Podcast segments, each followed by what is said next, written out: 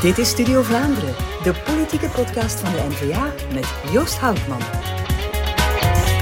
Welkom, nieuwe aflevering van Studio Vlaanderen. Te gast vandaag een Sint-Pieters Leeuwenaar, of moeten we hem een Vlaamse rander noemen, Vlaams parlementslid Jeroen Thibaut. Welkom, Hallo. Jeroen. Uh, ben je een Leeuwenaar of een Vlaamse leeuw? Of, uh, uh, noem me een Vlaamse leeuw. Mijn slogan in 2004 was, 2014 was meer leeuw in Vlaanderen. En ik denk dat dat het een beetje samenvat. Oké, okay, meer leeuw in Vlaanderen. Jij komt uit de Vlaamse ja. rand. wel, dat is een, een heel speciaal stukje Vlaanderen, hè? Die, die Vlaamse rand. Ja, we hebben vaak uh, de eerste impact van een grootstad. Hè? En uh, in mijn geval is dat dan uh, Brussel. En wij zien heel veel druk vanuit Brussel op die Vlaamse rand. En dus moeten wij daarmee omgaan. Je kan daar negatief naar kijken en zeggen dat je het niet wilt, maar dat is geen oplossing. Nee. Dus je moet het aanpakken. Je kan geen evoluties zomaar stoppen nee, natuurlijk. Hè? de evoluties zijn wat ze zijn. Je kan het alleen proberen te kanaliseren. Ja. Op zo'n manier dat iedereen er een weg mee kan. Ja, klopt. Ja. Ja. En, en hoe zit je daar politiek op in? Wel, uh, ja, wij, het is geen geheim. We hebben heel veel uh, druk van de verfransing in de rand, van de, ho de, hoge huurprijzen en de hoge woningprijzen. Uh, maar ook gewoon het gemeenschapsleven dat onder druk staat. Er zijn heel veel nieuwkomers en die moeten allemaal opgevangen worden in die Vlaamse rand. En dat gaat, maar ja, dat vraagt inspanningen. En ik geloof nogal sterk in het verhaal van rechten en verantwoordelijkheden. Niet rechten en plichten, maar rechten en verantwoordelijkheden. Je hebt recht op zaken, je hebt recht op een goede opvang, je hebt recht op goede school, veiligheid, welzijn. Maar daar komen ook verantwoordelijkheden bij. En uh, daar ontbreekt het soms eens aan. En de mensen daarop wijzen die in onze gemeente komen wonen, of in onze Vlaamse rand, denk dat dat onze taak is. Ja, en uh, als we het over de, de bredere Vlaamse rand Mhm. hebben, dan denk ik ook altijd aan, aan verkeersissues. Ja. Uh, denk aan de ring, denk aan de werken aan het uh, viaduct van, uh, van Vilvoorde, Ja. dat de lichtjes Kafkaiaanse trekking Ja. begint te vertonen. En Zit toch- je daar ook op in? Ja, ja, en toch ben ik daar een voorstander van. In een vorig leven werkte ik nog eh, op mobiliteit bij minister Ben Wijts. En ben er een grote voorstander van. in het minst omdat Brussel eigenlijk zegt, ja, de wagen is niet meer welkom in Brussel, of toch zeer beperkt. En dus zegt men eigenlijk, al die wagens, ik duw het glas in het water en het water loopt over in de rand.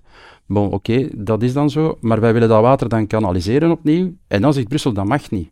Daar waar ik zeg, ja, oké, we nemen dat op. We zorgen ervoor dat er meer fietspaden komen, tramverbindingen komen, heel wat leefbaarheidsprojecten. En die Brusselse ring, die gaan we herinrichten. Ja, daarvan zegt Brussel, dat mag niet. Ja, daar ben ik het fundamenteel mee, mee oneens. Ja. Ik vind dat elkeen recht heeft op eh, verplaatsingsgedrag.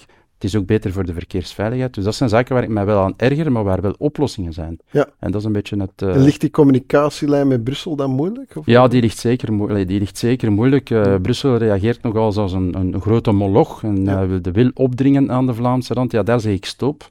Ja. Zeggen, laat ons in dialoog gaan. Dus laat ons echt overleggen van hoe gaan we het doen. Maar niet gewoon opleggen, want eh, zo gaan we niet vooruit geraken. En Brussel mag beslissen van minder of geen wagens toe te laten. Ja. Maar dan moeten we het ons ook toelaten om hetgeen de impact op, bij ons is, van dat op te pakken, hoe wij het willen. En Ja, niet te om zeggen, daar mag correct op, op te kunnen inspelen. It comes both ways, zeggen ze in het mooie Ja, ja, Nederlands. in het mooie Nederlands, inderdaad. Trouwens, over eh, taal gesproken. Eh, jij kaartte onlangs iets aan over verkeersboetes die je als eh Ja. in, in Vlaanderen zou krijgen, dat je die mag laten vertalen in Ja, het Frans en, zo eindeloos dingetjes. Rekken, hoe zit dat? Ja? Ja, dat is echt eh, dramatisch. Ik ben daar echt heel kwaad voor. Ehm, dus je, be- je begaat een overtreding. Eh, het kan zelfs heel erg zijn. Je hebt een, een verkeersongeval voor en daar kan een zwaar gewonde bij te pas komen. Ja, je bent dan in fout. Je proces komt voor. En ook al ben je puur Nederlandstalig, je kan toch vragen om een Franstalige vertaling te krijgen en je dossier door te verwijzen naar een Franstalige rechtbank. Ehm, en men weet allemaal hoe lang het daar duurt als er dan een uitspraak komt. En zo krijg je straffeloosheid. En het straf is, dat is niet alleen in eh, de Vlaamse rand. Ik heb een, eh, een mail gekregen van een, eh, een rechter uit Brugge die zei, ja, het is eigenlijk echt onwaarschijnlijk, maar ook in Knokken, de mensen die van Knokken dan terugrijden naar hun woonst, pure West-Vlamingen, betrapt worden met te veel promille, die zeggen, ja, ik zou graag een... mijn, mijn dossier voor de rechtbank van Doornik krijgen en dan gaat dat op eh, de Gregoriaanse kalender en ja, stopt het daar. Dus en dat hoe is kan iets- dat? Dat is ja, dat is totaal absurd. Ja, inderdaad. En daarom pleit ik ook voor eh, de taal ehm, van het ehm, proces, is de taal waar het misdrijf gepleegd Ja. is. Dus zo, bega je een overtreding in Vlaanderen, dan is het in het Nederlands. Bega je Ja. die in Wallonië, is het in het Frans. Ik denk dat dat een heel logisch en heel verstaanbaar eh, Ja. principe is. Zeker omdat, ja, zo krijg je wel dat iemand die een ongeluk begaat, niet gestraft wordt. Ja, dat lijkt mij helemaal van de pot gerukt, ja. Ja, inderdaad. Ehm, trouwens, over, over straffen gesproken. Uh, je kaartte ook iets aan de, de enkelband ja. uh, aan. Je hebt hem niet aan. Nee, nee, nee, nee. Maar ook daar hè, een, een verhaal waarbij je in dialoog gaat. Dus federaal slaagt er niet in om het uh, gevangeniswezen op orde te krijgen. roept dan hè, vaak zegt de minister dan, ja, we lossen alles op. Maar eigenlijk duwt men ook opnieuw hier de uh, gedetineerden naar Vlaanderen, die verantwoordelijk zijn voor de enkelbanden. Maar als resultaat dat je krijgt dat bijvoorbeeld uh, pooiers thuis zitten met een enkelband en gewoon hun business van thuis uit runnen. En daarvan zeg ik, ja, dat kan niet. Dat soort mensen die familiaal geweld plegen, intrafamiliaal geweld, ja, eh, seksuele delinquentie, ja, daar kan je niet zeggen, je hebt een enkelband. Nee, die moeten echt in de gevangenis. En dat zijn afspraken die men moet maken. Maar op dit moment komt dat niet. En dat is wat ik aanklaag. Dat, dat men enkelbanden inzet, is, is op zich een goede zaak. Ja, maar, de straf je moet wel weten bij wie natuurlijk. Ja, en de straf moet gewoon in proportie zijn. Je kan het niet uitleggen dat iemand die drugs dealt. Opgepakt wordt en dan de dag erna gewoon van thuis uit verder deelt door het raam, want hij verlaat zijn woning niet met een enkelband. Dat is gewoon iets waarvan ik zeg, ja, dat klopt ja, dan wordt hij gewoon een takeaway. Uh, dat is het bijna, ja. En daarvan zeg ik, laat ons gewoon afspreken van dat soort delinquentie niet. Maar ja, mensen die uh, een misdrijf gepleegd hebben dat, je niet, dat daar niet onder valt, ja, dan denk ik, daarvoor kan een enkelband ja, wel. Ja. Zo, zo, is het wel makkelijk natuurlijk. Federaal beslis je van, we hebben geen plek en, uh, Vlaanderen lost het dan maar op. En het is een beetje daar waar ik voor probeer op de barricade te staan, voor dat soort zaken waarvan ik zeg, ja, ik begrijp het, maar laten we dat dan toch gewoon op een logische, rationele manier oplossen en niet gewoon ja, over het randje tillen. Hè. Het, dus het verhaal ook van, van Brussel, oké, op, de, op de ring, dan willen we het opnemen, maar mogen we het oplossen. Federaal, men, men, men duwt gewoon mensen naar enkelband, oké, maar kunnen we dan afspreken dat die mensen met zo'n zo'n problematiek niet een enkelband krijgen. Dat is eigenlijk logisch verstand en ik begrijp niet waarom dat, dat uh, ja, niet gebeurt. Ja, uh, je bent nu één jaar uh, Vlaams parlementslid. Ja. hier moet nu een taart binnenkomen met ja. een kaarsje op eigenlijk. ja. Um, maar hoe kijk je op, op, dat, op, op, op dat jaar terug? Kan je zo een top drie van hoogtepunten misschien? Of, of, of dat je zegt van oh, eigenlijk uh... Ja, dankbaar kijk ik erop terug. Uh, het eerste hoogtepunt was het feit dat ik het mocht worden. Ik vind het echt een eer. Ik vind, ik vind ik, nog eens een verantwoordelijkheid nemen, ik vind dat echt belangrijk. Ik mhm. neem graag verantwoordelijkheid op voor, voor mensen die, die dat misschien minder willen of kunnen doen. Dat wil ik zeker doen. Dus, dus het, het kunnen worden was al veel. Het was een beetje onverwacht. Ja, het tweede was wel van, van voor die Vlaamse rand iets meer te kunnen betekenen. Ehm, vroeger deed ik het achter de schermen, nu ervoor, maar ik denk dat er nood is aan, aan echt een, een, een, standpunt vanuit Vlaanderen richting die andere regels, om te zeggen, kijk, dit is de Vlaamse rand, hier zijn andere spelregels. Ja, en dan een derde is misschien wel, ja, het is wel mooi meegenomen als, als uh, ja, je items opgepikt worden. Hè? De enkelband, de problematiek van de, van de straffeloosheid omwille van de taalwetgeving. Ja, ik ben daar wel trots op, ja. Ja, en als je zo terugkijkt op dat jaar dat je zegt van, ja, daar had ik niet gedacht, dat vind ik toch wel minpuntje. Of, of denk je van, oh, ik wist niet dat het eigenlijk zo in elkaar stak. Ja, ik uh, probeer nogal de, de redelijke te zijn, maar ik, ik, ik snap niet aan, aan weerszijden van het links-rechts spectrum de, mhm. de, de, de gespeelde verontwaardiging daar. Mm Dus uh, er is heel veel daar ben ik van verschoten, de, de, de theatraliteit van, van, van alles. Men, men, men, Politiek is toch theater? Ja, maar men vergroot het zodanig uit. Soms gaat het over zo'n kleine materie waarvan men doet dat de hele wereld er impact van heeft. Ik denk dat de silent majority in het mooie Nederlands, dus de grote meerderheid eigenlijk minder aan... Het zijn de grootste roepers die het meeste aan bod komen. En ik denk dat we daar een, een tegenpool kunnen zijn. Dat we daar kunnen zeggen, kijk, wij zijn ook daar voor die mensen die je minder hoort. Er zijn problemen, dat, dat is het niet, maar alles uitvergroot. Dat was het kleinste probleem. Het probleem is van de hele wereld. Ik denk niet dat dat uh, ja, aan bod komt. Ja. Eh, een beetje zeggen van, gelieve alles even in het juiste in het perspectief, te zien. Ja, ja. En dat is de, dat is de grootste, ja, hoe moet je dat zeggen, de, de grootste vaststelling toch. Allee, men, men, men, kan bij P van de A doen alsof dat we in het grootste armoedige land leven in de wereld, quote non, en, en bij, het, bij het Vlaams Belang kan men doen alsof dat het hier hel en verdoemenis is.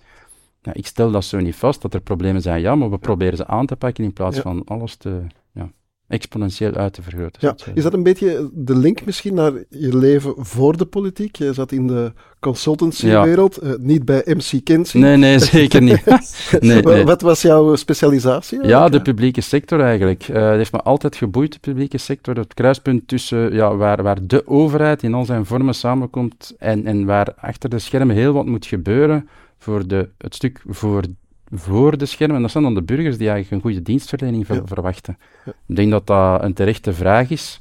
het heeft zijn eigenheid, maar het heeft me wel altijd geboeid om die twee te matchen. Ja, ja, Een beetje een voorbode, denk ik. Ja, ja. En, en hoe is dan die, die overstap naar de politiek dan, dan gekomen? Wel ja, uh, ik ben altijd geboeid geweest door de politiek. Ik heb ook, ben ook lokaal heel actief geweest. Jeugdraad, jeugdbeweging, noem het maar op. Ik zat, ik zat ongeveer in alles, uh, jeugdhuis opgericht. Uh, dus ja, je, je, neemt verantwoordelijkheden op in dat lokale leven. En op een bepaald moment weten ze dan te vinden. En dan, ja, dan, het is niet dat je van thuis uit al politiek werd. Nee, mijn ouders zijn politiek uh, niet actief. Hadden wel een gezonde interesse in de politiek. Maar van daaruit heb ik het zeker niet geleerd. Nee, nee, En je bent dan in de politiek terechtgekomen, eerder achter de, de, de schermen.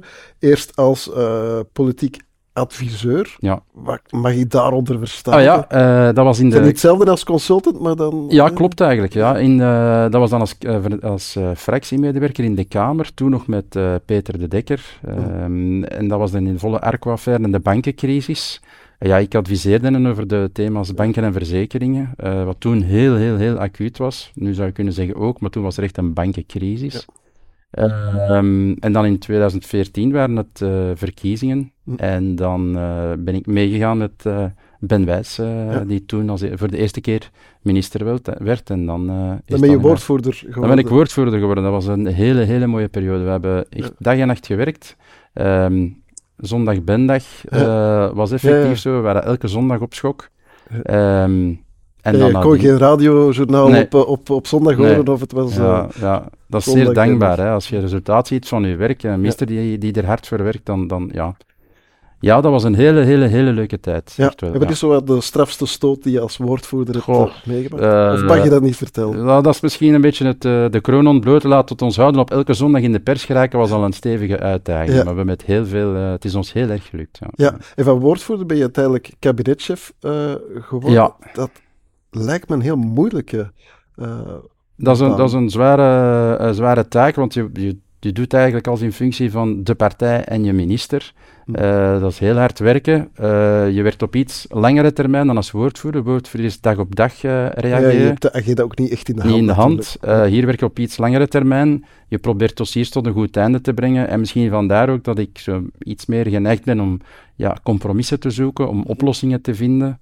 Um, ik denk dat dat er altijd ingezeten heeft bij mij. Maar ja, daar komt dat wel tot zijn recht. Hè. Je moet op bepaalde zaken toegevingen doen, want anders ja, ja, ga je niet vooruit. Ja. Een consensus te vinden. Om, Klopt, zonder je eigen waarden een beetje Ja, dat lijkt me een moeilijke evenwicht. Ja, dat is vaak het moeilijkste. Uh, dat is heel duidelijk. Hè, ja. Ja. Uh, ook moeilijk lijkt mij om als politicus ja, je, het leven in, in balans te houden. Hè? Je hebt overvolle dag, maar je hebt dan s'avonds nog vergaderingen waar je naartoe ja. moet. Ben je daar niet van verschoten? Van, uh...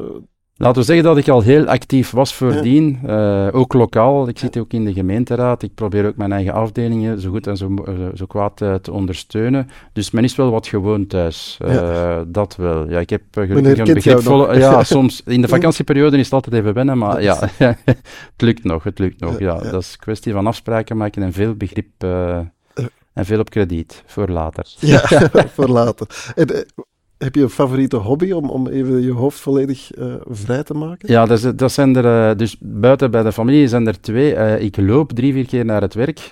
dat slaag, daarmee slaag ik erin om, om het hoofd wel even leeg te maken. Dat is ochtends en dan kom ik fris en monter toe. En de andere hobby is en voetbal. Hoe, hoe, hoe, lang is dat dan?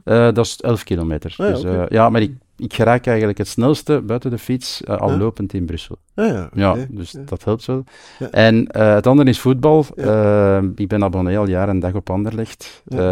dus ja, ik kom er wel een beetje in conflict met mijn dochter. Die is actief voor Union. En ja, dat oh. is al een beetje de interne, interne vrede. Dan heeft zij wel vaak gewonnen. De, de ja, ja, maar, ja, ja, maar ja. Wij zijn de traditieclub, hè.